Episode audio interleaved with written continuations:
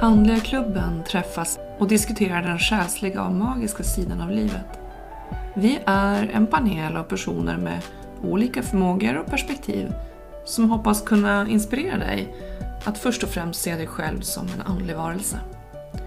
Har du en fråga till oss? Mejla då till fraga andligaklubben.se Och här kommer dagens avsnitt. Hej och välkommen till det här spännande avsnittet av Andliga klubben.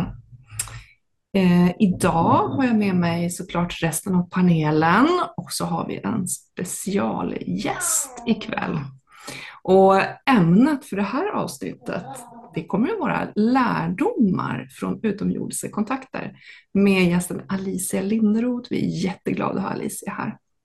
Jag tänkte säga hej till panelen. Hej Helene! Hej hej! Hej Sofie! Hej! Hallå Katri! Hallå hallå! Och hej Anders! Hej! Hoppas ni mår bra allihopa. Absolut. Ja, ja. Mm. Absolut, härligt. Och hej och välkommen Alicia. Hej, tack snälla. Tack för att få vara här, jätteroligt. Väldigt kul att ha med dig som gäst och det här är ju lite grann en fortsättning på temat som vi har emellanåt slagit in på och det är ju framförallt Helen, eller hur Helen som är intresserad av det här med det utomjordiska. Vi tycker ju alla det är jättespännande, men Helen är den som är insatt. Och Helen, det var ju du som eh, fick kontakt med Alicia. Ska vi börja där någonstans kanske? Ja, det tycker jag. Måste jag säga, Alicia, eh, jag, det är ju aldrig några tillfälligheter i livet, men vi var ju båda på forntida astronauter föreläsningen. Eh, och sen så skulle jag gå ut, jag kommer inte ihåg varför jag skulle gå ut, för jag slutade röka innan dess, men det var så, nej jag måste gå ut, så att jag lämnade Anders och Katri. Jag sa, nej men jag ska, det är något jag ska se, eller någon jag ska träffa, jag brukar känna på mig det. Och sen så stod du där ute och du var i kö för att prata med SVT, eller hur?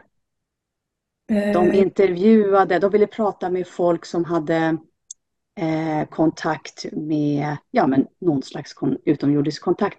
Jag vet att du inte vet att det var SVT, men jag googlade. Och han, kan vara bra att veta nu, okej? han producerar dokumentärer som han sen, ja, i samarbete med den som du pratade med. Men i alla fall, och så såg jag ju dig och så började vi prata. Och så här direkt, wow, vem är den här Mm. Alicia? Så nu ska bara börja med det. Vem är du Alicia? Berätta alltså jag tycker den frågan är så rolig, men Alicia heter jag. Eh, glad, kärleksfull person, 27 år som håller på med eh, healing, kanalisering och vad vi kallar för utomjordiska och multidimensionella kontakter. Jättekul. Och lite mer, var, var bor du någonstans? Du, du låter som om du är från Stockholm. Du är säkert född och uppvuxen i Stockholmstrakten. Ja. Nej, Blekinge faktiskt, men jag eh, byter dialekt beroende på vem jag har umgåtts med under dagen. Ah, Det kan låta väldigt olika. underbart. Eh, och, och du Alicia, vad har du, berätta lite om din verksamhet, för du gör ju ganska mycket. Berätta allt Ja. det, du som, det du gör. Jag följer dig på Instagram och jag blir så här, åh, Alicia igen. Det är bara roligt. Ja.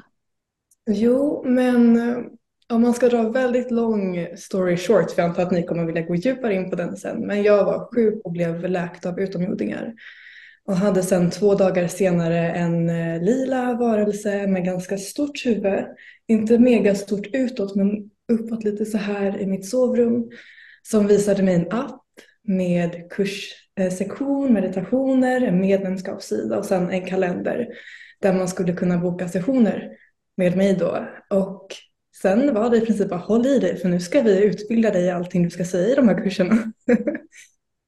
um, Så egentligen så ser jag det så att jag vidarebefordrar den här informationen. Uh, Och det handlar väldigt mycket om hur vi fungerar multidimensionellt. Vi har ju liksom tankarna och men framförallt tankarna så förstår vi att vi är mer än bara tredimensionella liksom. Och då vill vi ge en helhetsbild i mind, body, spirit. Hur hänger det ihop? Ehm, Så det är där och det här gör vi då i appen eh, som ser ut likadant som de visade mig. Och, eh, ja, det är long story short. Och, och när hände det här? Det kanske du sa, men eh, för hur många år sedan? alltså Det roliga är här, jag brukar säga att det man är menad för här i livet, det brukar man ofta vara bra på.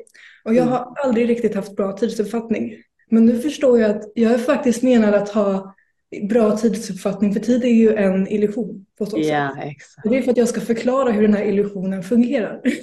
Ja, ja men absolut. Inte. Den fysiska tidsuppfattningen är jag inte särskilt... Eh, gissa klockan kan jag. Men inte, men jag tror det är två... Ungefär, ja men ungefär två, tre eh, år någonting. ja.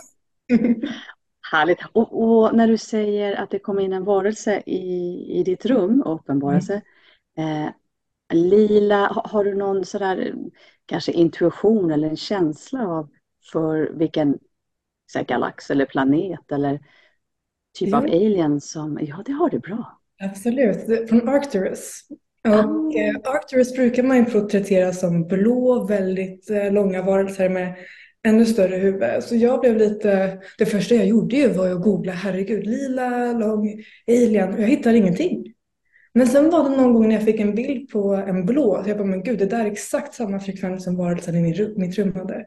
Och sen så är det, det främst tre från Arcturus som hälsar på ibland. Oh. Både vit och lila.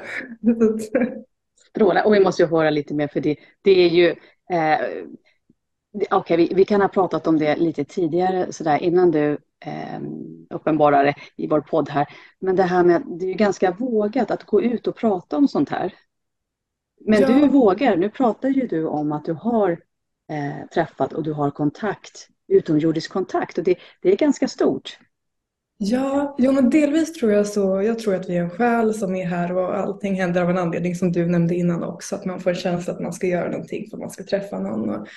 Jag känner lite det här med andras åsikter har jag blivit uppvärmd för hela mitt liv. Att kunna hantera det och eh, jag är ganska immun mot det har jag märkt. Men framförallt så sa ju det här var ju typ det första den här varelsen sa till mig att du får vara beredd på att det kommer vara några år där folk kommer tycka du är galen. Men i princip, de har inte samma ansiktsmimik. Jag använder mitt ansikte extremt mycket när jag pratar. Men det var som ett litet leende och sen att de visade en bild att de kommer bara tycka du är galen en väldigt kort stund. Alltså i det långa loppet. Så jag tänkte, ja, vi kör. Ehm, och för mig så får jag ofta frågan så här.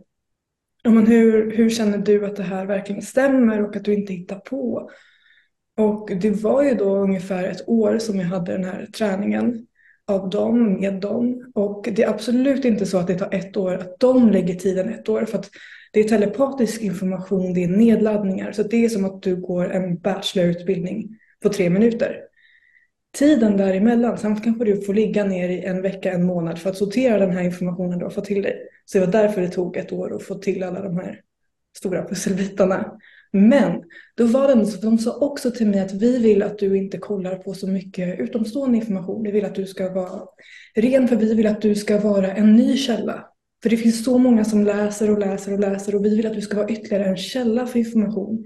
Inte någon som säger samma sak. Vilket är jättebra också att man säger att man sprider vidare informationen.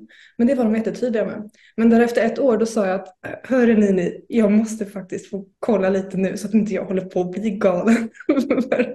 och då började jag kolla ännu mer på TikTok, Instagram.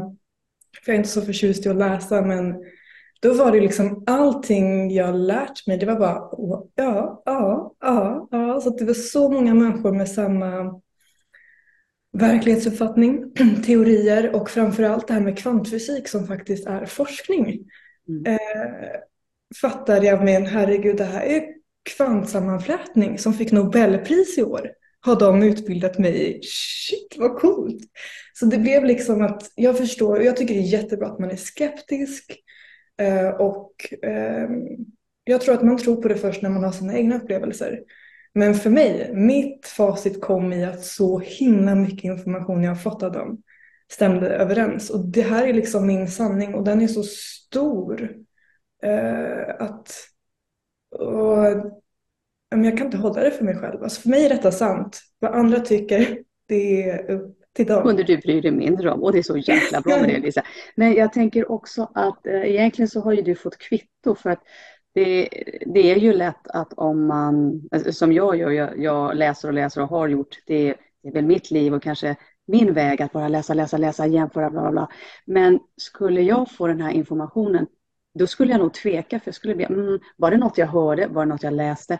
Så att jag förstår deras strategi och du hade inte riktigt trott på det. Eh, mm. om det inte var så att du först fick informationen mm. och sen upptäckte att det var inte bara du som resonerade så här. Så det här var, och jag vet flera som har, eh, som channeler och som har eh, samma erfarenhet då att och håller sig faktiskt undan från att läsa för mycket eller eh, träffa för många andra channelers eller någonting så att man har den där kanalen fri så att man, man vet att det kommer ifrån ska säga, den riktiga källan. Det kommer i alla fall inte från en, en någon annat eller något annat som man har läst. Så. Ja. Men, men hur, Eh, det är ju ganska tung, eller tunga grejer, det är ju jätteintressanta grejer. Eh, men berätta lite, eller om du kan, det är väl lite osmosis, det bara kommer telepatiskt in i huvudet. Eh, den här informationen och sen ska du organisera den i huvudet. Är det är inte lätt. Nej, uh, nej alltså det är nu i efterhand när jag uh, fick ihop allting till slut så känns det väldigt enkelt. Löjligt enkelt. Men där och då uh, så delvis så var det vad man kallar remote viewing har jag använt mig väldigt mycket av. Det är ett fenomen som jag tycker nog de, för de som lyssnar så är det väl att googla på CIAs vad heter det, The Gateway Process om man vill ha mer, mer fakta på det. Så om man är skeptisk. Gateway Project, det har vi varit inne och nafsat på mm. lite grann. Ja, vad kul. Ja. Nej, men jag tänker de som lyssnar, om man vill kolla vad remote viewing är och att det absolut inte är någonting bara flummiga människor tycker är intressant, utan även CIA. Uh, eh, och astralresor, samma sak, gateway process. Uh, men också jättemycket telepati och um, bilder, jättemycket bilder och känsla. Men också, de använder ju alla sinnena, doft, smak, det är, det är liksom en upplevelse.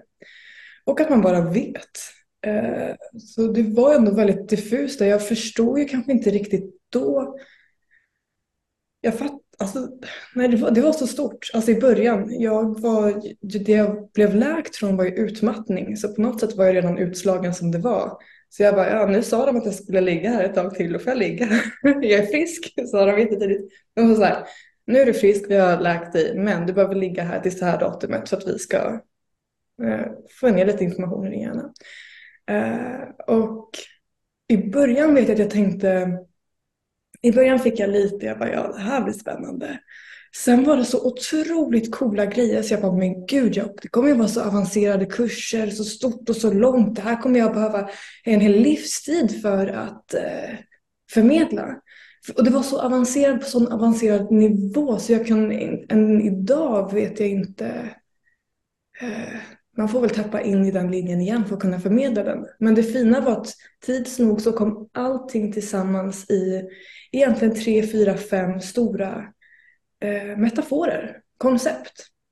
Och det är det som är så fint med koncept och metaforer, för förstår man en metafor, då kan du applicera den på alla de här jättekomplicerade grejer de förklarade för mig. Men jag behöver inte ordagrant säga alla de här komplicerade grejerna, för att i de här koncepten så finns det redan kodat.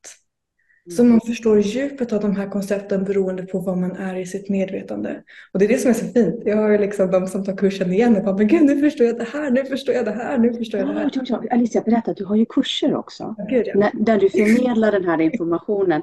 Eh, jag vet, att prata om appen där. Det var kul att de visade den här appen. Det är helt underbart, men det är ofta så det går till. Man ser en vision och bara, ah, den ska jag göra. Men ja du utbildar ju människor i det här. Ja, eh, men precis. Och så nu är det, de, det var väl fem stora kurser som de sa det här måste, det här måste du förmedla. Vare sig du vill eller inte i princip. Eh, så första kursen vi har nu det är om eh, hur ångest och högkänslighet fungerar och att man lär sig hantera sitt energifält. Eh, och auran kallar vissa det för och vissa tänker på det elektromagnetiska fältet från hjärtat. Men vi börjar då med några koncept för att vi vill att man ska få en förståelse. För att den här förståelsen kommer sträcka sig så mycket längre. Och, ja, men det är som jag sa innan, att har, man kan bygga på så otroligt mycket vad man förstår koncepten. Men då börjar vi med högkänslighet och ångest för att man ska få en bättre förståelse. För till exempel med ångest, Om man har den här förståelsen, då när ångestprocessen sätter igång, då är det så här, men vänta lite nu. Nu har jag lärt mig att det som faktiskt händer här är det här. Då är det lättare att ta eh, lite distans till sin ångest och sen veta, okej, okay, vad var stegen nu? Det var en sån här grej, sån här grej, sån här grej. Ingenting att vara rädd för. Så det är mer att vi vill, eh, vi vill förklara hur vi fungerar. Så att vi, det vi vill absolut komma till är att alla ska stå i sin kraft.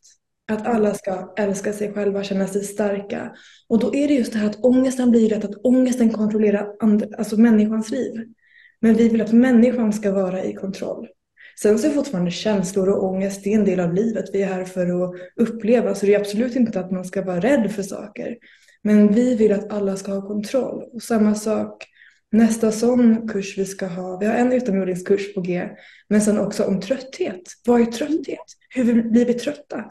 Eh, det var ju vad jag är eh, för, så att eh, den ser jag jättemycket fram emot att få Oj, det måste vi. Jag satt precis och tänkte på alla, alla som jag känner som har gått som terapeut i 20 år och så med, ja. med ångest. Som säger, men betalar du den här terapeuten i 20 år? Men det gör man ju. För behöver man hjälp, då ska man söka hjälp. Absolut. Absolut. Men jag tänker att ibland om man har gått till, ja, inte samma, men man har provat den här traditionella eh, terapeutbehandlingen, då tycker jag att man kanske är redo för att prova någonting nytt. Och där har jag stor respekt för just att du har en kurs eh, som just handlar om ångest.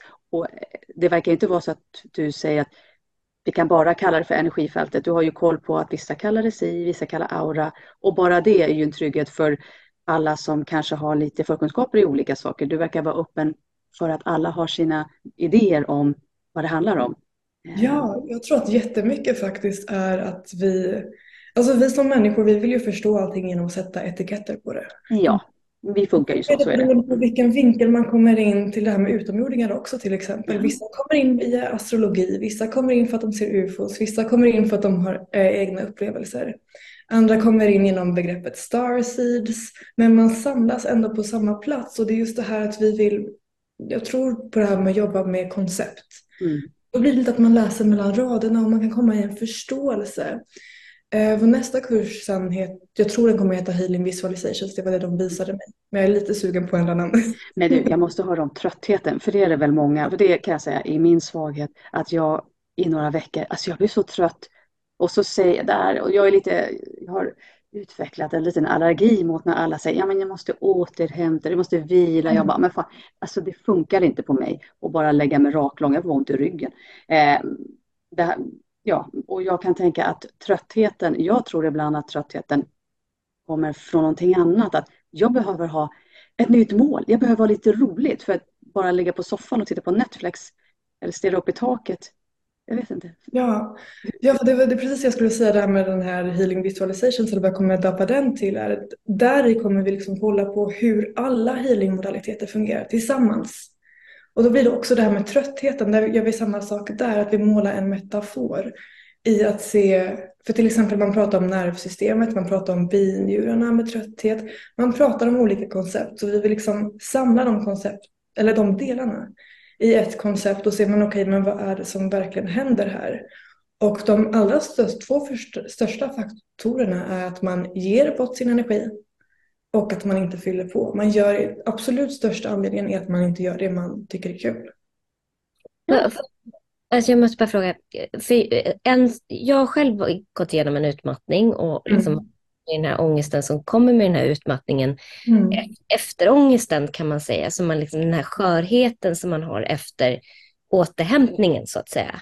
Mm. Eh, men jag tycker att det här med dimension, jag har alltid saknat någonting när man söker på den här um, ja, men återhämtningen till en viss del är väldigt fyrkantigt. Men det som du beskriver nu, det här med högkänsligheten, någonting som jag kan verkligen också, jag tror många som lyssnar på oss också kan relatera till att när man är, är högkänslig och har en utmattning, att det finns en sårbarhet i det också. Att den här högkänsligheten gör att en viss eh, motståndskraft på ett sätt faktiskt är bort, borta på något sätt. Och det är inte någonting som är negativt, utan det som du beskriver nu det är att, eh, om jag förstår rätt, att man lär sig lite hur den här högkänsligheten, hur man hanterar den i ett vardagligt mänskligt samhälle. Mm. Är det... Ja, absolut, det, det är dit vi vill komma och det handlar jättemycket om att stå i sin kraft. Ja. Vi har ofta folk som är högkänsliga och är starka empater tycker det är lite jobbigt för då tycker de att de är egoistiska. Ja. Men det, är liksom, det handlar om att fylla sin kopp eller bägare först. Ja. Att man ska må så bra att man väller över av kärlek och glädje. Att, för det är som att vi försöker finnas där för vi ska jobba, vi ska prestera bra där och där och där och där. Och man dränerar sig själv. Så det är jättemycket, bara det här konceptet med att ge bort sin energi och vad det har för påverkan på vårt energifält. Och det är väldigt fina med utmattningskursen är att om man kollar på i receptet där, det metafysiska, så är det samma sak som det kvantfysiska på ett sätt. Så att, eh, ja, men det är väldigt fint, men nyckeln är verkligen egentligen att vara egoistisk skulle vissa säga. Men att man lär sig att sätta sig själv först. Eh, och jag tror stenhårt på att evolutionen av människan är att eh, höja sin frekvens. Och det låter ju jätteandligt först när man hör det, men densitet, så nu sitter vi med luft omkring oss. Och sen när man är i vatten då är det tyngre. Och det märker man ju om man börjar ta hand om sig själv. Om man sätter sig själv först, om man är helt egoistisk, om man ser till så att man sover ordentligt, man äter bra, man tränar. Då känner man ju sig lättare. Och om man inte känner den uppvägen så är jag ganska så säker på att alla känner sen när man har en vecka där man bara äter skräpmat och festar och inte tar hand om sig. Då känner man sig tung. Och jag tror att det som kollektivt håller på att hända är att många mår väldigt dåligt och tvingas till att börja ta hand om sig själva. Och då känner man sig lättare. Och det är det där skiftet som ni har hört med 3D, 5D, ascension, uppstigen. Det är egentligen det det är. För att med densiteten kommer sedan dimensionerna. Densitet och dimension hör ihop. Så lyfter vi densitet så lyfter vi i dimension. Och det är därför det är så himla viktigt att redan nu börja förklara hur fungerar vi multidimensionellt. Så att när vi står där sen och vi upplever, eh, har expanderat vårt medvetande så mycket mer. Hur gör vi nu då? Hur gör vi när vi har ännu större aurafält? När vi, har ännu, när vi kommer bli ännu mer högkänsliga allihopa? Och hur gör vi då om vi känner av allting mer och vi är så vana vid att fokusera energin någon annanstans? Det är jätteviktigt att vi sätter oss själva först för att annars kommer vi, man kommer inte klara av det. Annars blir man utspänd för det finns mer att lägga märke till, fler aspekter, dimensioner i att man lägger på ett djup hela tiden. Och det hör man ju mycket. Jag tror förut så kunde man säga att man mår dåligt för en grej. Men idag när man pratar framförallt med unga tjejer är det ja men jag mår dåligt för den här grejen och sen så är det den här aspekten och sen så och sen så och sen kanske han tänker så och sen jag så. Det är liksom så många dimensioner vi är i nu. Så att, men det måste vara att man kommer tillbaka till sig själv. Och alltid här. så intressant att du säger här Alicia. Det, det är verkligen eh, super, en superintressant tid vi lever i i och med ja. att vi går igenom hela det här uppvaknandet. Det är som att mänskligheten håller på att vakna upp. Och att vi som individer också måste börja ta mer och mer ansvar. För ju mer medveten man blir om saker och ting, ju mer medvetna vi blir om klimatkrisen och andra saker, så måste vi också börja reflektera över hur vi beter oss. Ja, jag brukar säga det att en del av den här ascensionen är att vi expanderar vårt medvetande. Mm. Och dels, precis som du nämner, och att man ser mer på sociala medier.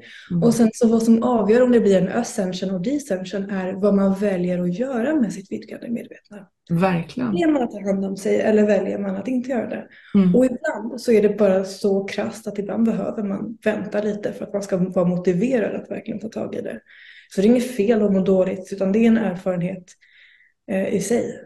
Men det vi kan konstatera då, det är väl egentligen att ja, den här, de här höjda energifrekvenserna, mm. de tär också på oss. Alltså vi behöver förändras. Vi mm. behöver gå igenom en process för att kunna komma ut på andra sidan och den där processen kan vara lite tuff.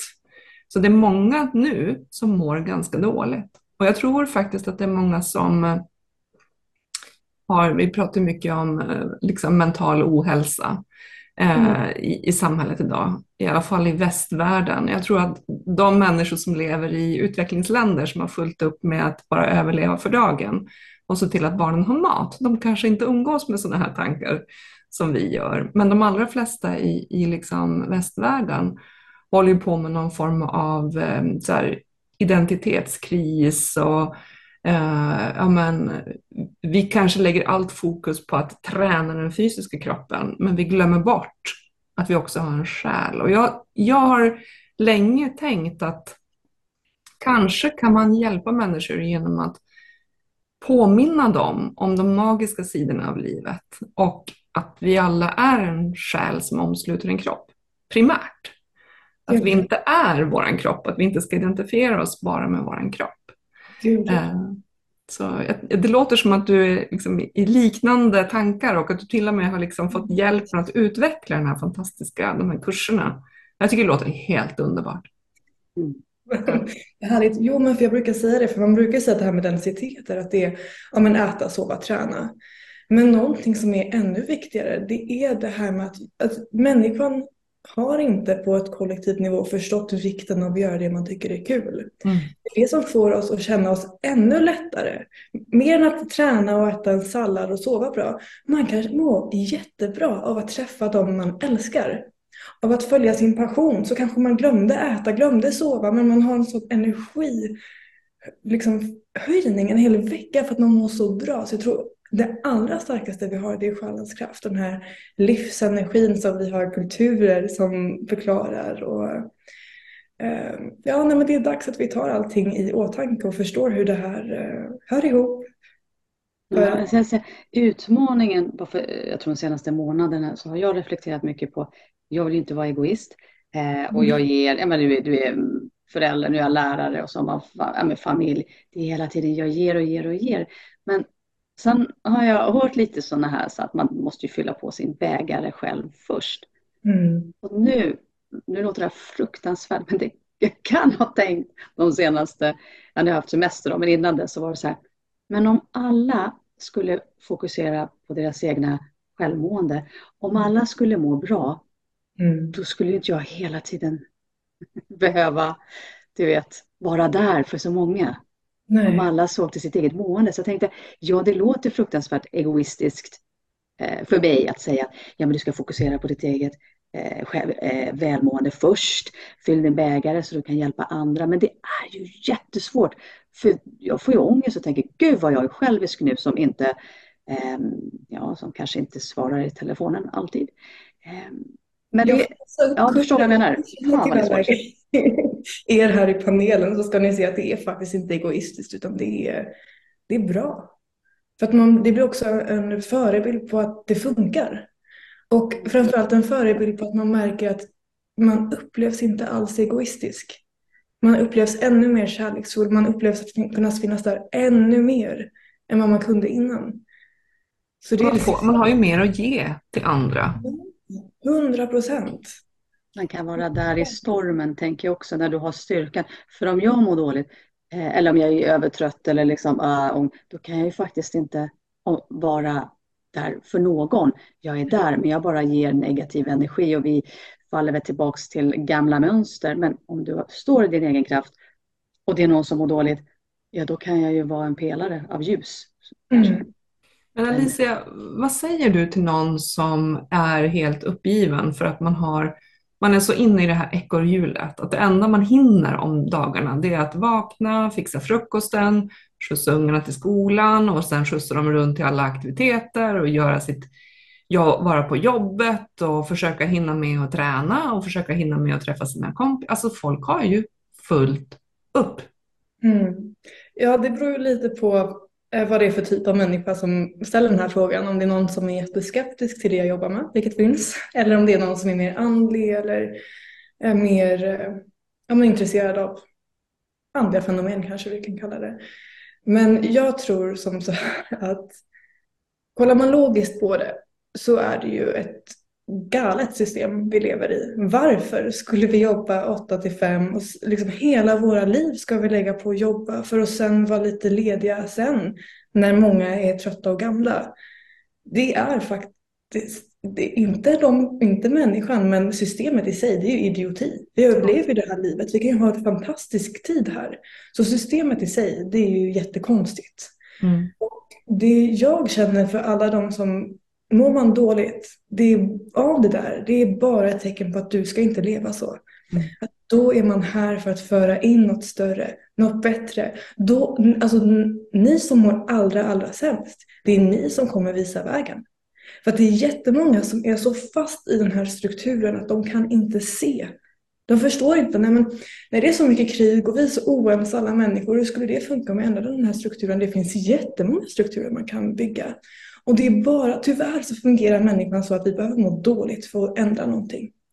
För fungerar, kollar man på någon som är utbränd och det går lite successivt neråt, man blir tröttare och tröttare innan man kraschar, så är det ju, man tar inte tag i det förrän man kraschar. Det är när det inte funkar längre, eller man mår tillräckligt dåligt, det är då man tänker, nej men nu måste jag ändra någonting. Och jag tror att det är liksom, man brukar kalla det de, de nya vågorna, de nya barnen, men även vi som sitter här, bara att föra en sån här konversation. Eh, det är det jag tycker är så otroligt fint med andligheten och när man öppnar upp till sin själ. För man förstår att varenda möte, varenda ord som talas är viktigt. Man behöver inte vara politiker för att göra skillnad. Alltså din drivkraft inifrån gör skillnad. Det kan vara ett samtal man har med en person kan ju avgöra om den tar livet av sig eller inte. Man kan få någon att stanna bara på en konversation, en kram, ett hej. Så det är det här att ja, all, alla ni som också, då får man också höra att man är lite naiv för att oh. de som är så indoktrinerade i det här samhället tänker nej men du är så naiv, ingenting annat funkar. All naivitet behövs just nu för vi behöver en ny struktur. Ja, och, och är det inte liksom ett grundproblem det här med att vi vi ger ett värde till de människorna som är så att säga högpresterande, har statusjobben, har statushuset och statusbilen. Att det på något sätt så har vi, vi som ett kollektiv, har vi gett mm. dem Åh, oh, mm. de är lyckade, de är bra människor, det är så vi alla ska vara. Det är liksom, då är man rätt. Medan ja. människor som lever ett litet liv, men som går runt och sprider all den här glädjen som du pratar om till andra, och, och är liksom, uppmärksammar andra människor och finns där och säger de här fina orden till andra medmänniskor. De som är genuint äkta, mm. bra människor som sprider massa bra energi. Ja. De uppmärksammar vi inte. Alltså de, är inte, de har inte någon status i samhället. Jag, jag, tror det bör, jag tror att det börjar ta sig. Jag tror att folk börjar uppskatta det mer och mer och mer. Jag tycker jag hör det när jag pratar med eh, människor som lever lite mer eh, i, det, i den här gamla matrixen om man kallar det det. Men det här, eh, jag kommer att tänka på en diskussion, jag har inte tänkt på den på länge, men det här med pengar till exempel och andlighet. Många tycker att pengar är djävulens påfund. Det tycker absolut typ inte jag. Jag tycker det är ett underbart medel som är väldigt bra för att människan idag, skulle vi ta bort pengar, det skulle bli kaos för att vi vet inte vårt eget värde.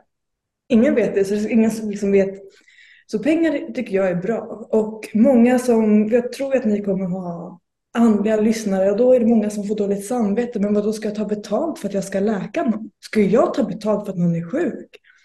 Men då brukar jag säga som så här att vi behöver just nu, om det är några som ska sitta på mycket pengar, är det väl de som är godhjärtade och vill folk väl.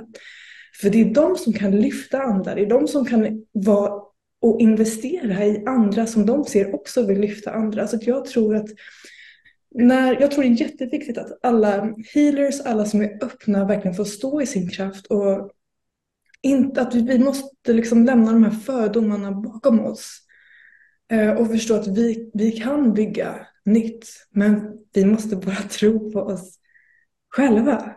Precis, jag bara älskar det du säger just nu. Precis det här som alla som jobbar med någonting som har med andlighet eller eh, med de här delarna som vi kan hjälpa andra på. Eh, att alla förstår eh, sitt eget värde. Ja. Men, men just det här med att ta betalt till exempel, det, det tror jag många, många, många har svårt för. För att man kanske inte tänker att ja, om jag sitter med kort till exempel, ja, men ska mm. jag verkligen ta betalt för att någon kommer till mig? Eh, för att få höra någonting genom korten. Eh, Givetvis, det är därför de kommer, för att det är av värde. Ja, men det är ju det. Och då blir det ju det här som gör att de här skeptikerna, de tar ju så stor plats också. Mm. Det är de som vill tala om att nej, det där är ju inte bra. Du ska gå till en, en, en ren psykolog och så ska du gå där i många år för då kommer du må mycket bättre. Men det fina är det här när man börjar jobba lite mer på sig själv och stå ännu mer i sin kraft. De här skeptikerna, jag träffar väldigt sällan sådana nu för tiden. De mm. försvinner. Eh, så att, men så är det ju och jag tror någonstans att man bara får acceptera också att eh, jag tror jättemycket på att eh, ett energiflöde är liksom nyckeln och det är när vi tycker någonting är lite obekvämt då, då stannar det. Då stannar tanken på de här skeptikerna med oss och då blir det liksom att vi det här med love attraction, att man attraherar in det mer, att då ser man det mycket mer. För jag gillar inte alltid att prata i superandliga termer, men till exempel är man lite irriterad eller rädd för skeptiker, vår hjärna fungerar så att då kommer vi notera alla skeptiker. Mm. Men om vi fokuserar på mm. vårt värde, då kommer vi istället se vad mycket värde vi ger till andra och vad värde andra ger till oss. Mm. Mm. Lite skifte i perspektiv, men det är verkligen en fråga nästan alla andra går igenom som tycker det är jättejobbigt att ta betalt. Och jag säger bara, jag fattar hundra procent. Mm. Men varför egentligen? Nu får vi sitta här och ha en liten diskussion så ska vi tänka själva. Men vi är ju, vi befinner oss ju i det systemet. Det, det är ja. ju den verkligheten vi befinner oss i. Att ja, vi behöver tjäna pengar för att liksom överleva och, och klara oss i den här världen. Ja. Så det, är, det är ju systemet vi befinner oss i. Och med, de, med det regelverket så handlar det ju om att få betalt i pengar för det energiutbyte man gör. Så jag tror att man behöver skifta då till att se pengar som energi snarare. Ja. Och det jag också tycker är kul med healing och även, alltså det, det kan vara, det är inte bara healing och det är inte bara budskap utan det kan vara en enda mening en främling säger på gatan som kan förändra mm. ens liv så drastiskt att det blir ett helt annat liv den här personen sa för att en person sa en grej, ett ord. Och ett sånt skifte i livet, det är väl ovärderligt. Om någon säger någonting så får det bara, aha, det, du kan inte sätta pengar på det. Och jag säger det liksom första, första främlingen jag eh, hjälpte, hon hade whiplash-skada från sju år tillbaka. Eh, idrottsskada i nacken, en knöl och smärta. Eh, och då ehm, kom till mig för en session. Och då har hon under sju år, tänker om man gått till kiropraktor, man har gått till läkare och dessutom, eh, vad jag förstod, inte blivit så trevligt bemött heller. För att, eh, ja, man kan inte, det är inte trovärdigt alla säger att man har whiplashskada och så blir man inte trodd. Tror att det vill bara bli sjukskriven. Mm, det måste göra väldigt ont. Ja, jag vill dock säga så här, jag tycker läkare är fantastiska och jättebra. Eh, det är inte bara alltid att man kan mötas och få full förståelse. Det är, då är det lite härligare att gå till en empat som känner din smärta för då kan man sitta där och säga, ni vet innan hon hann säga hur det kändes, jag bara, okej okay, vänta lite, jag upplever så här känns det i din nacke och hon tappar ju hakan och bara, ah. Men det fina, det jag vill komma till är att det är liksom en smärta hon har gått runt med i sju år, inte kunnat träna ordentligt. Inte, alltså, och den försvinner, knölen och smärtan försvinner på sju minuter. Nej! Jo, hur, har hon kommit tillbaka? hur kan man sätta ett pris på det? Ja. Det går ju inte. Det hände, alltså, Alicia, på riktigt? hjälpa för att det var um, en bekant eller en bekant, men, men det går inte att sätta ett pris på det, att en person blir av med liksom en svullenhet och smärta. Alltså, det går inte att sätta pris. Och jag tycker, nu är detta liksom ett extremt fysiskt resultat, men just det här också att bara ett skifte i mm. mindset. Alltså, vi tror ju att värde är saker och det är det som är så fint när vi börjar förstå vår multidimensionella natur. Att det finns ju, värde är ju vi. Det är ju vi som är det magiska. Det är vårt, värde, vårt mående. Det är det värdet är att vi ska må bra och ha en trevlig upplevelse här på jorden. Tycker jag. Sen får man tycka annat. Men det är min sanning, så, så talar jag att det är sanningen. Det är väl det, jag tänker att det är väl det som är tanken, men att vi fastnar i våra egna smärtor och mm. trauman och allt sånt där. Att vi någonstans låser oss i det. Ja. Inte kommer ur det. Nej, för så är, det, så är vår hjärna programmerad.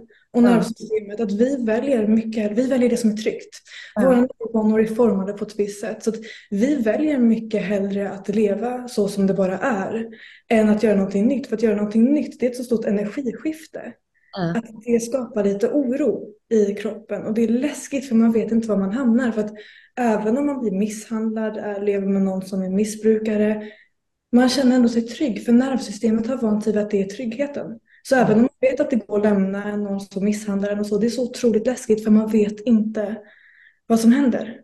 Så det är att vi blir vana vid våra symptom, vi blir vana vid att allting är så här.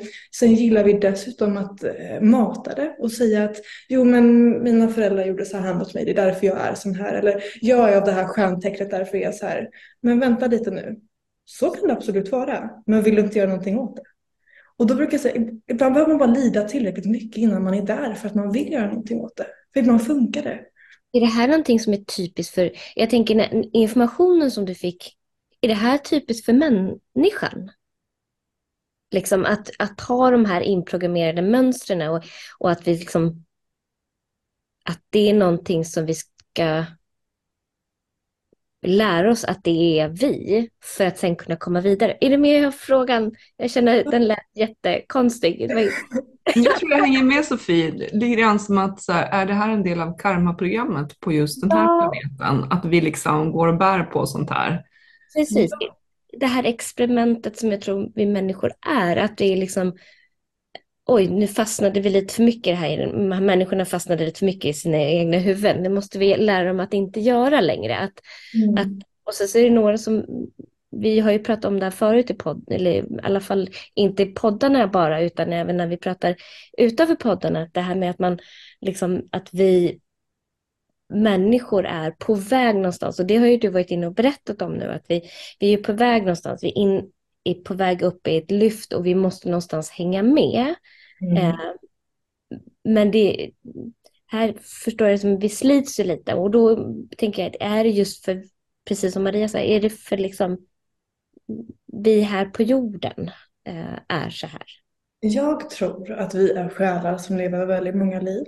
Mm väldigt många olika, jag gillar att säga väldigt många olika verkligheter. För jag tror inte att det är så enkelt att det bara är planeter utan jag har ju mer det här dimensionsperspektivet. Så då kallar jag det för verkligheter. Och skillnaden är då kanske om man jämför om dimensioner och densiteter hör ihop. Om vi nu är nere på en tredimensionell värld då betyder det att allting känns lite tyngre.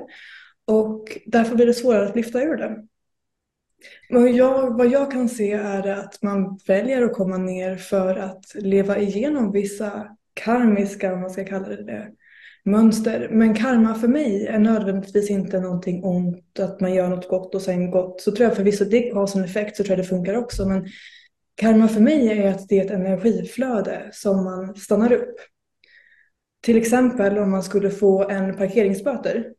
Då får man ju parkeringsböter, man blir skitarg då. Och det är flödet. Det är meningen att vi ska bli arga, det är meningen att vi ska bli ledsna, det är meningen att vi ska bli sårade. Det handlar inte om love and light och att allt annat är hemskt. För vi är här för att ha den upplevelsen. Men går man och är lite arg över den här parkeringsböten i några veckor sedan, då har man ju stannat upp den här ilskan och då går man och är arg och irriterad på busschauffören och den personen var lite för glad idag och den, åh oh, gud vad högt den pratar och det är karma och det är bara att man stannar upp energiflödet. Mm. Så det är det här som jag gillar, man rensar ut aurafältet, man får förståelse för hur det här funkar och då är det det här att man behöver tydliggöra att det här är ju koncept, det här med aurafältet och rensa ut det, energi, man, det är bara koncept vi har för att vår mänskliga hjärna ska förstå vad det handlar om. Allting vi ser är bara en fysisk manifestation av någonting som finns på högre dimensioner. Eh, och jag tror väldigt mycket på ändå det man pratar mycket inom andligheten, att det är livskontrakt man ska göra på för att man ska lära sig grejer. Men jag tycker det är väldigt viktigt att betona att man är här för eh, universums etik och moral är inte samma som, som för oss människor. Jag tror att universum vill expandera. Mm. Och det gör man genom att ha många upplevelser.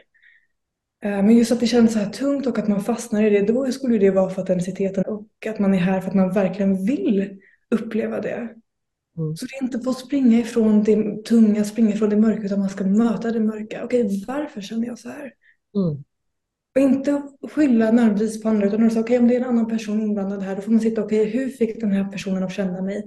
Var det här den personens avsikt? Och hur fungerar jag i de här? Man får sitta och ställa väldigt mycket frågor för att få förståelse för sig själv.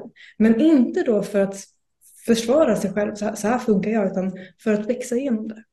Mm. Att man förstår att okay, så här, så här eh, känns det, så här fungerar jag fram tills nu. Och nu kan jag använda det här till att bli lite visare, lite klokare, lite starkare. Och så Och- jag tror att allt tungt för något gott med sig. Mm. Vi menar att expandera. Och sen så är ju vissa mörka saker är otroligt hemska. Det kan man inte sticka under stolen med och säga att eh, det inte är hemskt, för det är det. Men eh, jag tror att vi själar det här för att uppleva och expandera. Precis. Och lära oss. Och det finns liksom lärdomar på själslig nivå. Sen finns det Mm. lärdomar som den fysiska kroppen inte vill ha för att det är, det är bara för hemskt. Liksom. Men jag tror ju också att det på något sätt på en själslig nivå eh, behöver ske vissa saker för att vi ska liksom stanna upp och tänka efter och tänka till. Och kriserna i livet kan vi ju, inte där och då kanske, men lite senare brukar vi oftast kunna titta tillbaka på en kris och förstå att den var nödvändig för att vi skulle komma vidare och utvecklas. Ja, jag gillar ju den här teorin om att alla själar skulle vara en del av eh, källan eller livskraften. Och om man tänker att det skulle vara då Gud, eller universum med livskraft som bara är kärlek, säger många. Och om den här kärleken bara skulle finnas till slut så absolut, vi på jorden kanske tänker wow vad underbart med bara kärlek. Men jag tror att om man har upplevt den här kärleken väldigt, väldigt, väldigt länge, man blir uttråkad. Nu har vi den här spänningen. För det är liksom den här regeln as above so below. Man vill ha lite spänning, vi vill ju lära oss och det ser vi absolut på människohjärnan som många säger är negativt inriktad. Vi behöver nästan den negativa inriktningen för att vi ska få den här polariteten, få se mörkret och få, få växa. För att det är allt, jag, jag, tror, jag tror mycket as above so below använder jag mig väldigt mycket av eh, för att få förståelse på en högre dimension hur det funkar här. Jag läste någonstans, tror det var i de här böckerna Conversations with God, Mm. om för ganska länge sedan. Eh, Så jag för mig att det stod någonting om att eh, ja, men, Gud, eller skaparen, Mm. eller vad man vill kalla den här källan, har Mm. liksom splittrat upp sig, sig själv i en massa, massa, massa små själar. Mm. Så vi är alla liksom en del av den här skapande kraften. Mm. Men anledningen till att, att källan ville splittra upp sig själv i så många olika delar var att få uppleva sig själv. Det Mm. går inte att uppleva sig själv om man bara är liksom ett, utan man måste dela upp sig så att de Mm. olika delarna och kan uppleva liksom, att vara den här skaparen. Mm. Och det, det tror jag också. Jag tror att det är väldigt viktigt ibland beroende på liksom vart man möter folk i andligheten att påpeka verkligen att det mörka är det kan absolut vara hemskt igen men mörker och att må dåligt, man expanderar från det. De människorna som vi kommer se autentiskt lysa, alltså inte bara fake eh, le på Instagram utan autentiskt lysa och må bra. Det är ofta de människorna som har gått igenom ett rent jäkla helvete. Verkligen.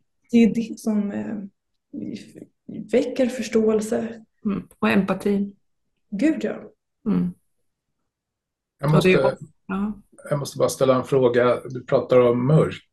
Eh, för mig, jag har fått till mig att det är mörk, det finns inte, utan det är tyngre och tyngre energier. Kan det vara samma? Alltså, det är det jag har fått. Um, ja, det, det är igen det här att vi är människor och att vi vill sätta en etikett. Vi vill komma Mm. överens om en etikett. Så jag tycker det, om det är så du vill kalla det tycker jag det är underbart. Ja, Men många skulle kalla för el, när någon är elak, om någon motsatsen till kärlek.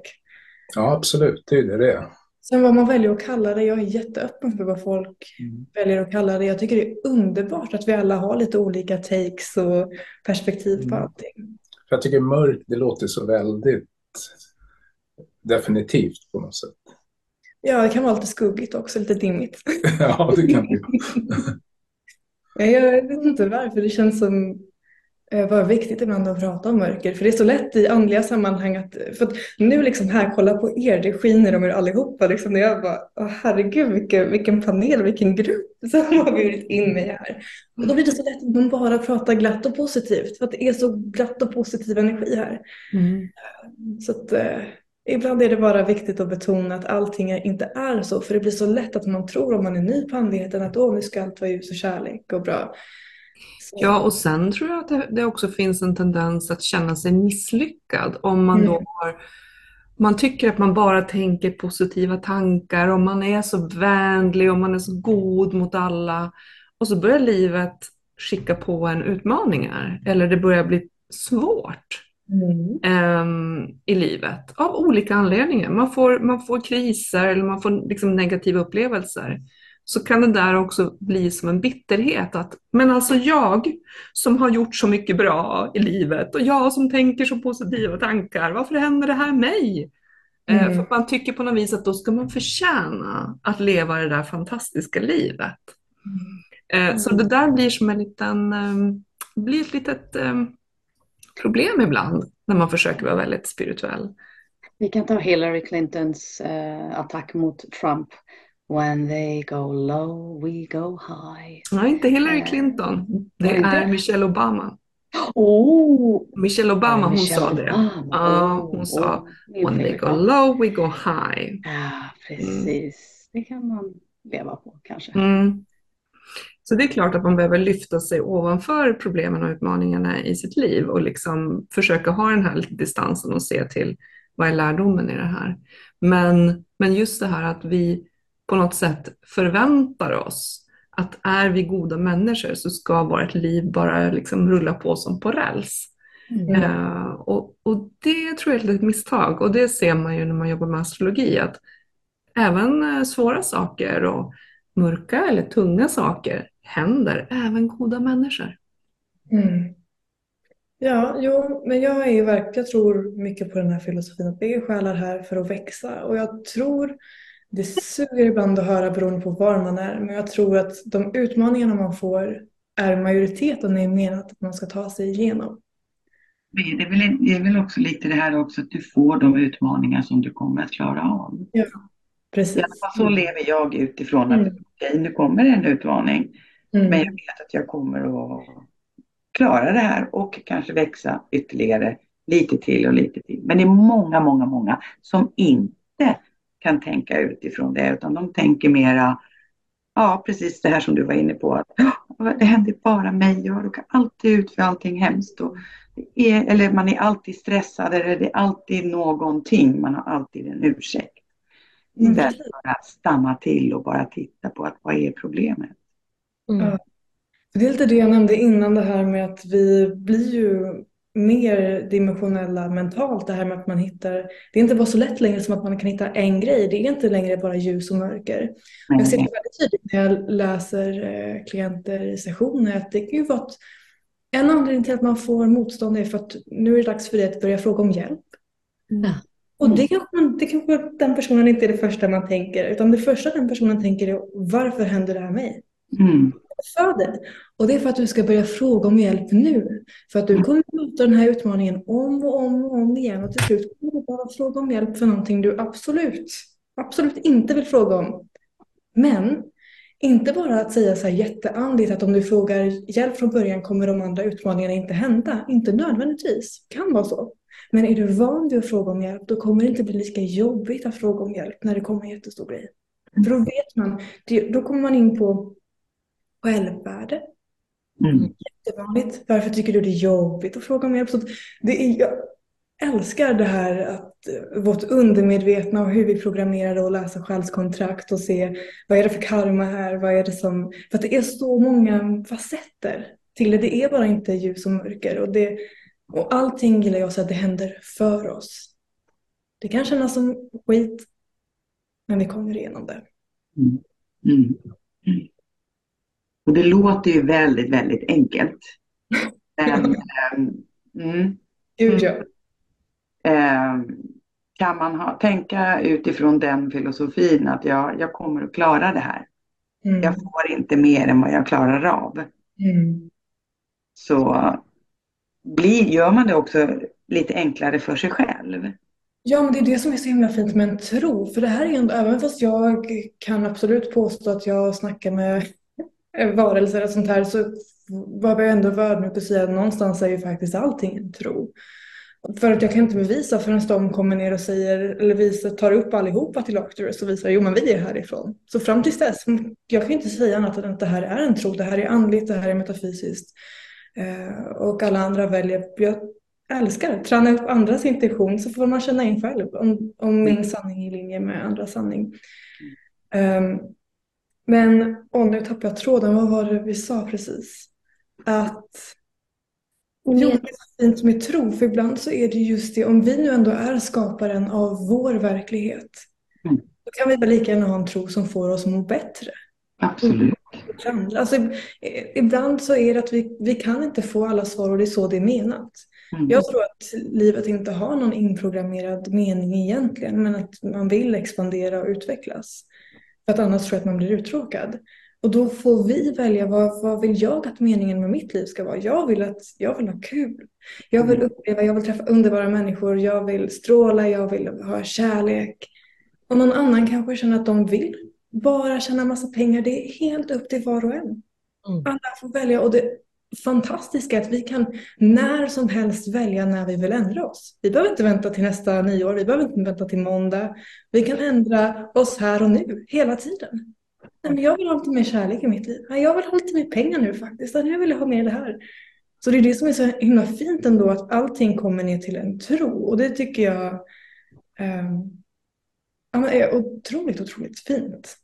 För det är även om man kollar forskning, folk som, forskning du kan få fram vad du vill med forskning egentligen. Och då sitter folk som debatterar, här är forskningsartiklarna för det här och här emot det här. Tror man något, på något, man liksom det är först när man är öppen för någonting som man blir mottaglig. Mm. Och jag tycker det är väldigt fint folk som har hittat sin egen tro. Att man kanske hittar, man läser och hör andra som pratar om någonting så kanske det resonerar. Men att man går in i sig själv och säger vad är sant för mig? För i slutändan så är det bara oss själva vi har. Kanske är det också lite befriande om man börjar tänka på att den här världen är som en lekplats. Mm. Att precis som du sa, vi kan faktiskt välja mm. eh, hur vi vill leva våra liv. Och det finns ju, ja, hur många miljarder människor är vi på den här planeten nu? Och lika många olika sätt finns det ju att leva sitt liv. Mm.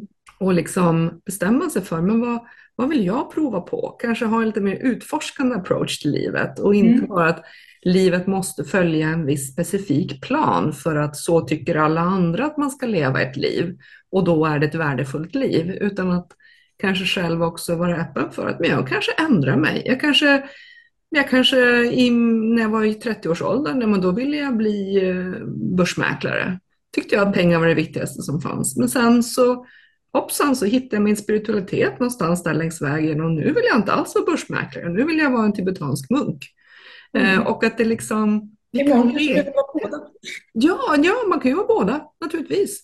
Och att, att kanske se det här med ett liv på jorden som någonting som går att leka med. Mm. Jo, det tror jag är otroligt fint. Jag tror det tar bort mycket press mm. och att man befrias i det. Mm. Men det jag tror är en jättestor nyckel till vårt välmående är att vi ska förstå att egentligen handlar det inte så jättemycket om vad vi gör. Vare sig det är resa eller vad vi jobbar med. Utan den dagen människor förstår att det handlar om hur du känner dig. Mm. Snarare än vad du gör. Då har man låst upp en sån otrolig nyckel till sitt liv. För att du kan göra exakt samma sak. Du kan gå på en utbildning, säger vi, och vantrivas. Eller så kan du tänka så här, men nu vill jag faktiskt ta den här utbildningen. Jag avskyr utbildningen. Men jag ska gå här ändå för det leder mig till mitt drömjobb. Man liksom kan välja hur man väljer att uppleva saker. Och hela tiden, även om man har tråkigt eller ingenting händer, då kan man välja att okej, okay, men nu händer ingenting här. Det är fredagkväll. Eh, låt säga att inga vänner har hört av sig, något sånt, om man är ledsen för det. Men för då, istället för att fokusera på att man ska vara ute och göra och visa upp sig och lägga upp på sociala medier, hur känner du? Mm. Samma sak, man kan ju vara bjuden på det där och må piss när man sitter bland andra människor. Så det är jätte, den dagen vi, först, vi börjar navigera för hur vi känner oss, och även när man sitter hemma och är bara känner sig tom och trött och ledsen. När man lär sig liksom ta kontroll över sitt mående. Livet blir otroligt intressant. För det, är, det är också när man märker så här, vänta, kunde jag gå från att vara ledsen till glad nu på bara fem sekunder? Varför har jag behövt vara ledsen i alla de här åren? när man bara kan jag tror att säger, law of attraction, det är ju lite där, du kan sitta och visualisera och du kan bara, ja, jag har, låt oss säga att jag nu vill ha en, en, en villa, vi säger en stor villa med en pool. Mm. Okay, jag har, om man håller, men, om man inte ändrar hur man känner sig inom mm. sig, då, då kommer det inte hända. Utan Nej. du måste ju känna att du är i huset, du känner hur, hur mycket pengar du har eller hur allting i livet flödar, om det nu är det du vill ha. Men det är det här med känslor, det verkar ju vara, ja, det går liksom inte att komma undan. Du kan inte göra någonting om du inte känner dig bra eller om du vill vara på den frekvensen eller skapa ett nytt liv eller om du vill bli lycklig. Ja, det går ju att ändra måendet med på olika sätt. Kanske springer eller om du lyssnar på musik och så plötsligt bara, ja, det gick, jag mår ju bättre och då kan man ju höja frekvensen på något sätt. Ja. låter ju väldigt enkelt, men jag tror att det här är typ ja. bland det svåraste mm. för människor att faktiskt göra. Att ta kontroll över sitt eget mående och hitta verktygen för att kunna switcha från ett state of mind till ett annat. Eller hur? Då börjar vi med att vara egoistiska och sätta ja. oss först. Det är där man börjar. Ja. Mm. Men är det inte lite så här om man tänker barn? Mm. När de börjar komma upp i en viss ålder och de, ja, men de, är de ledsna så är de ledsna. Är de glada så är de jätteglada. Eller, alltså de är verkligen här och nu. Mm. Mycket, mycket mer. Men sen när vi blir äldre och äldre då suddas det där barnet ut. Mm. Då anpassar sig väldigt många till just livet så som man tänker sig att så här ska livet vara. Mm. Jag kan inte vara som det där barnet, spontan, eh, lycklig och skrika i skogen för att det är så härligt eller krama ett träd. Eller, alltså det, gör jag det som vuxen så blir man ju tokförklarad. Ehm, men samtidigt så låter man det här barnet ibland faktiskt ta över så har vi det väldigt mycket roligare. Mm. Och det blir befriande. Ja, jag håller med mm. dig hundra procent. Jag tror att det är det inre barnet som man pratar om och jag tror det är ju det här med energiflödet, att man har blockerat det. Mm. Alltså healing är sällan att man ska bli någonting och något annat. Healing och personlig utveckling, det handlar om att skala av alla trosystem och grejer och etiketter vi har intalat oss. Mm. betyder någonting i det här samhället. Men ju mer man kan bara vara Mm. Och tillåta sig själv att vara, tillåta sig själv att njuta, ut, alltså utvecklas och uppleva. Precis så som du säger, man kramar träd och man känner för det. Man ja. ropar till glädjerop och man känner för det. Man kanske gör lite hoppsasteg. Och... Mm. Och det är väldigt fint att ha sådana här diskussioner för att jag tror att det är så lätt om man kollar på nyheterna och ser att världen är mörk. Men jag tror att alla har ju det här inre barnet i sig och det, det tror jag är starkare än något annat. Så den mm. glädjen och lyckan och den, tänk, tänk vad många vuxna som sitter och säger oj, oj, oj, man bara hade så mycket energi. Alla vet att det är mycket energi. Mm. Men du, innan, du, innan vi släpper dig också, så att tiden rinner iväg, och nu ska vi prata om tok, vad sa du, tokförklara tycker jag var ett bra ord. Alla ufo-entusiaster som mig själv blir ju tokförklarade, men det har vi släppt. Men du, Arcturius, eh, det är ju en av mina favorit-aliens, kan man säga så? Och nu har ju inte jag kontakt, utan jag sitter ju med fakta, eller fakta, vad jag säger, den research som jag har gjort. Och då är det ju andrahandsinformation, för vi kan ju inte veta jag kan ju inte veta vad som är sant och inte sant. Du kan för att du har upplevt det. Men enligt eh, den, den, informationen som jag har så är nummer ett, det är faktiskt inte så många eh, kontaktpersoner som kan ge information om just Arcturus. Många fler har information om Plejaderna eh, eller eh, Venus, alltså olika, men, men Arcturerna Nej, och det är också den grupp som jag tycker är allra coolast. För det är de som, förutom att de har kommit, vad man säger då, längst, både i teknologin och i det spirituella, så om, från den research som jag har, Alicia, du kan säga hur du upplever det, men att de är också, att de har någon slags, eh, de, de har utvecklat teknologi så de har lite spaceship chips som kan faktiskt skydda jorden från invasioner. Och de är så duktiga på det här så att till och med reptilerna är lite rädda för akturerna för de liksom, de är bäst, de har kommit längst. Låter det har du, har, har, du upplevt, har du varit på en sånt ufo? Nej. Eh, jag har mer eh, upplevelser av varelserna i sig. Mm. I första hand, ja. Och på vissa skepp, absolut. Men sällan, eller jag ska inte säga sällan heller, men det är mer de upplevelserna jag har än att jag sitter och kollar på ett eh, UFO liksom uppe i himlen. Du jag tror att det blir nära. mycket mer av det nu i närtid förvisso. Så jag ska inte, man ska, det är dumt att säga vad som händer. Man är öppen för allt. Ja. Men det jag kan säga som jag tror att du blir glad av, för att mitt absoluta favoritsätt att liksom presentera varelser från Arcturus. För jag hör ofta många säga att de har stora huvuden och de är smarta. De säger att de är andliga också, men att de inte känner så mycket känslor. Men jag gillar verkligen att presentera Arcturus som att de har lyckats med en av de grejerna som är liksom de största utmaningarna i, i vårt solsystem. Utmaningen som mänskligheten står inför just nu. Och det är att de har lyckats matcha andligheten med det teknologiska. Mm. Och de är i kärleken. Det högsta bästa av alla, det är ju en känsla. Sen Mm. kanske de inte har lika stora, stora känsloregister och de känner inte lika tungt. Och det är dit vi vill komma allihopa hoppas jag. Vi vill inte lida, vi vill inte vara ledsna. Vi vill vara där och bara kunna hjälpa andra. Men, Vi vill vara Arcturians. Ja. ja absolut, men jag tror ändå här att nu är vi ju här. Och jag tror att vi är här för att vi vill vara här, för att vi vill uppleva det här. Tyvärr. Mm. Men vill gå oklart, för att här vill vi bli befriade och där uppe vill man uppleva mer så då kommer man ner hit. Men så är vad jag gillar att säga om dem. Jag tycker de, de alltså det, det är det de ska ha allra störst cred för. De har lyckats och det är det som blir felet i vårt universum. Att någon ras blir för teknologiskt avancerad innan de är avancerade andligt. Eh, och Där har ju mänskligheten eh, gjort bort sig ett antal varv. Man har varit tvungen att göra lite reboot på oss när vi inte har fixat det där med teknologin, när vi börjar missbruka det. Mm. Lemurien, Atlantis och allt det där. Jag tror jag har jättestort hopp om att vi faktiskt kan lyckas den här gången. Men eh, det krävs att eh, alla börjar tala sin sanning. Och de, eh, den varelsen sa till mig första gången att eh, det är jätte, du kommer vara en av de första i Sverige som går ut och pratar så här. Det är absolut folk som har pratat om det och absolut jättemånga som har upplevelser. De sa att du kommer vara en av de första som går ut så.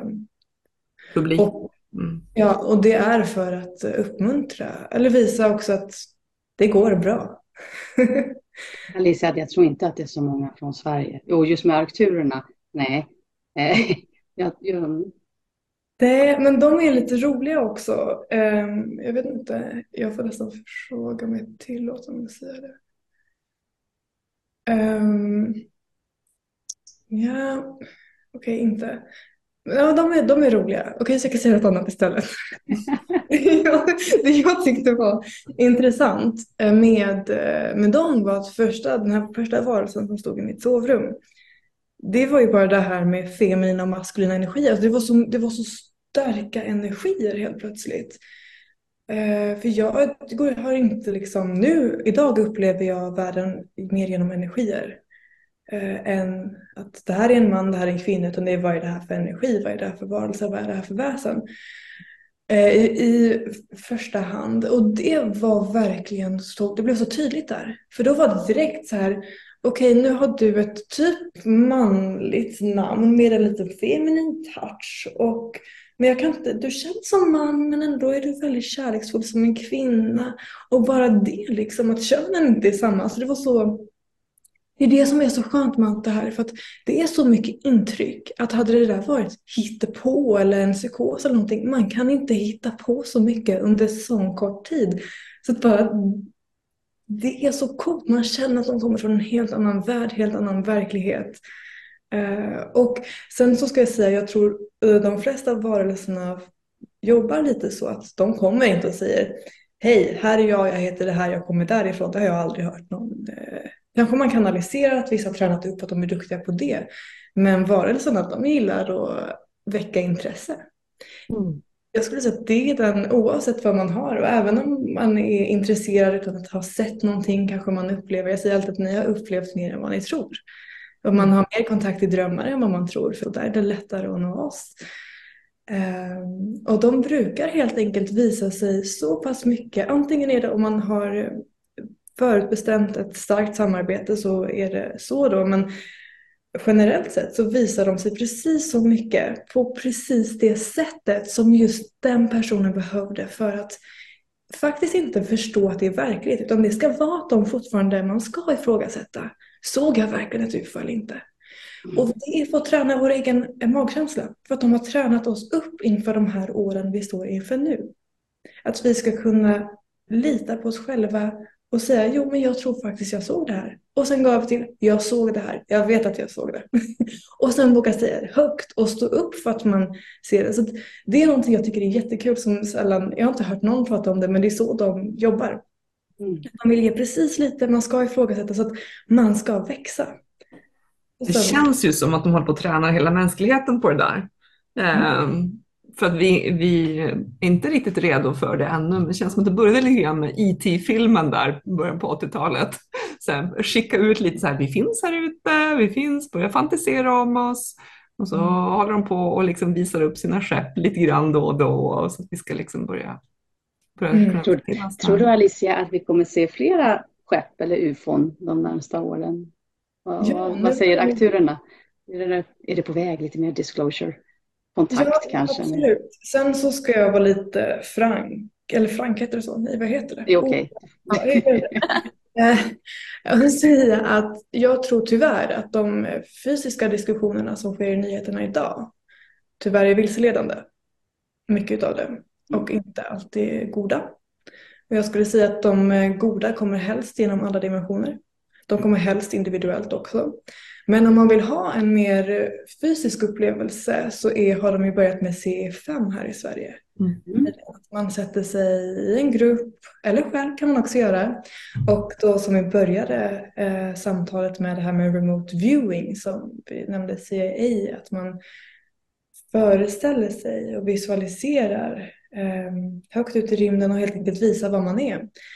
Eh, och de varelserna som brukar komma där, det brukar inte vara så mycket Arcturians förvisso, men jag tror att om man är väldigt lagd åt Arcturus-hållet så kan det bli att man ändå öppnar upp. Och, eh, jag gillar att säga som så här att om man vill ha kontakt så fråga om det. Och jag gillar alltid att säga att man kan verkligen tydliggöra att man vill fråga om snälla varelser för att vara på säkra sidan. Och man vill vara ännu mer på den säkra sidan, sitta i kärlek eller må bra. och när man frågar efter det. För att min upplevelse är att de kommer. Och även då så träffar jag folk som säger nej det gör de inte. Tricket är att de kommer. Men personen som frågar måste vara öppen för alla tänkbara scenarion som kontakt kan hända på. Och oftast är det i drömmar. Och de här mm. drömmarna, det är de här drömmarna, tänk vad mycket vi drömmer, de flesta. Och sen så är det liksom några få drömmar som håller sig kvar hela livet. De här drömmarna där det faktiskt kändes som att någon var och petade på Det kändes som att man var, det är mer än en dröm. Så att ofta är det när någon protesterar så, nej det har inte alls, okej. Okay. Så upplever du det hittills och då bekräftar vi det så. Men från och med nu vara öppen för hur kontakt ska ske. För då är det att man föreställer sig att nej, de ska komma fysiska i mitt sovrum nu. Och så kan det hända, men sällan. Dröm, dröm är astralplanet, gillar vissa att säga, jag gillar att säga högre dimensioner, i högre densiteter, är där vi träffar de allra snällaste. Ska du vara med på nästa CE5-möte? De ska ha, så på Insta igen här, Eh, mm. Det finns en Instagramgrupp då som heter CE5 och så har man eh, en väldigt bra meditation som man kan använda och då, det är Roger Gotthardsson eller Gottfridsson, hjälp mig. Gotthardsson. Tack, Gotthardsson som har spelat in den. Den finns på Spotify och om jag förstår det rätt så ska de faktiskt träffas nu ett gäng i mm. Bromma mm. Eh, i slutet av augusti, en lördagkväll och meditera tillsammans och försöka skapa kontakt. Jag tycker det är ascoolt. Superspännande. Jag kan lägga till också att eh, man kan lyssna på avsnitt 17 av Andliga klubbens podd och eh, höra Roger berätta om det här med CE5, astralresor och fjärrskådning. Åh, gud vad spännande. Mm. Det ska jag lyssna på. Eh, jo, men jag ska vara med på ett event.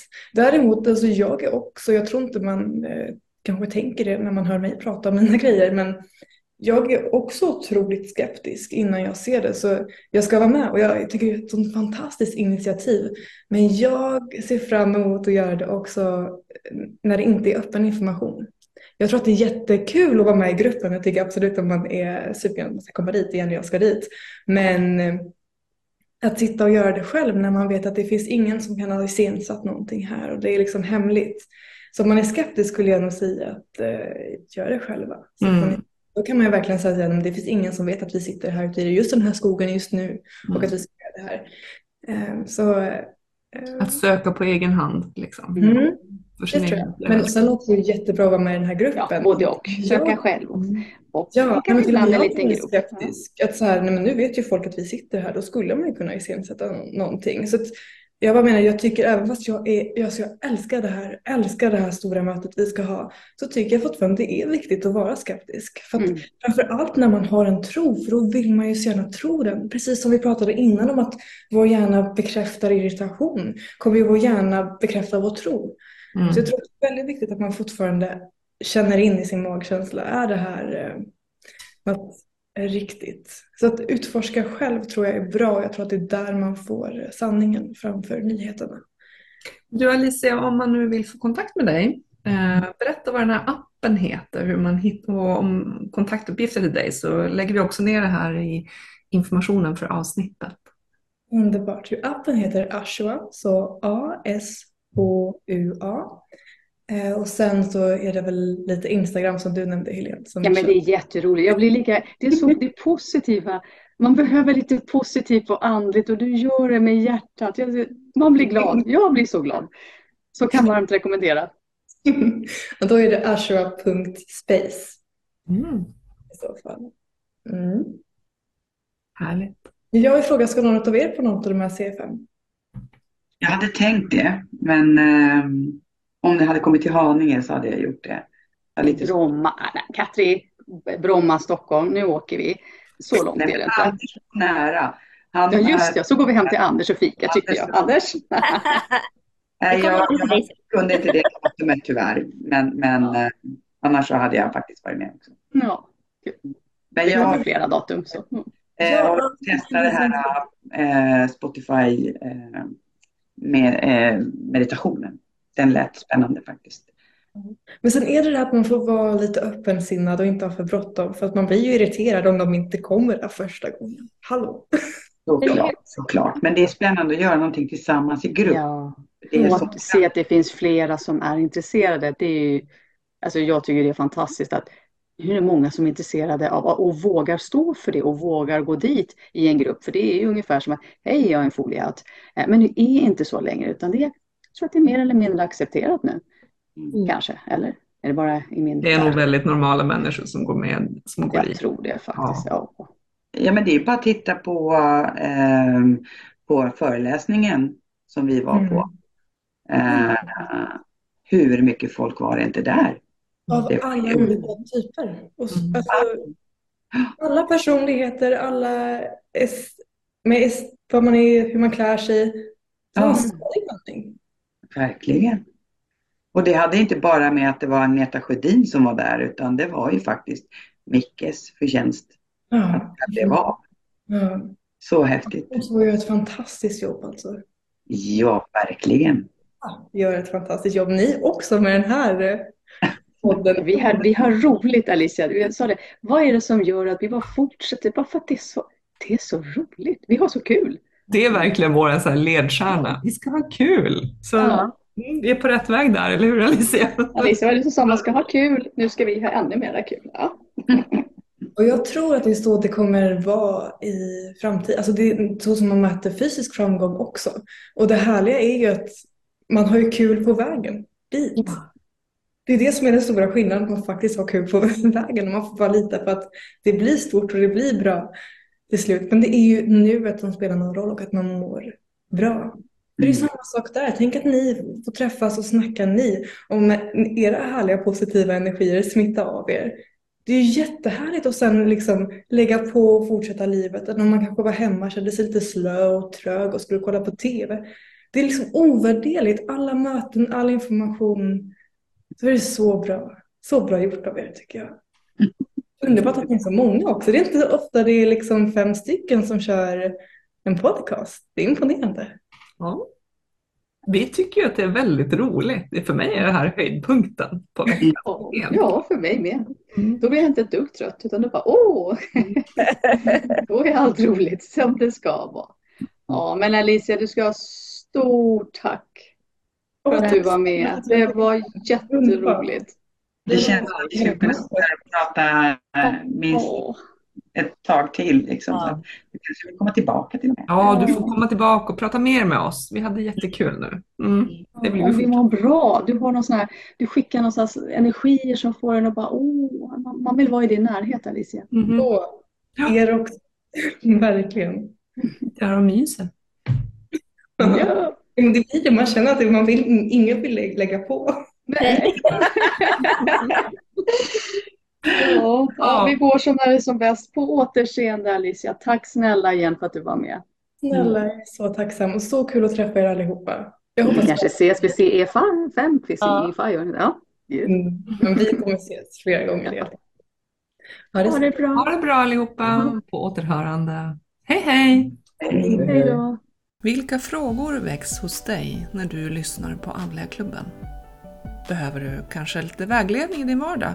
Eller undrar du över livets mening och de stora frågorna? Ja, mejla oss gärna på fröga.andligaklubben.se så kanske just din fråga kommer med i ett avsnitt framöver. Gillar du jobbet vi gör och vill stötta oss? Då kan du bli vår supporter genom att skicka ett bidrag via Swish. Skicka slanten till 123 445 28 84. Mottagare är HDJ. Du kan också stötta oss genom att uppmärksamma oss på sociala medier. Vi finns på Instagram under namnet Andliga klubben och vill du hänga med oss på Facebook så kan du gå med i vår privata grupp Andliga klubben.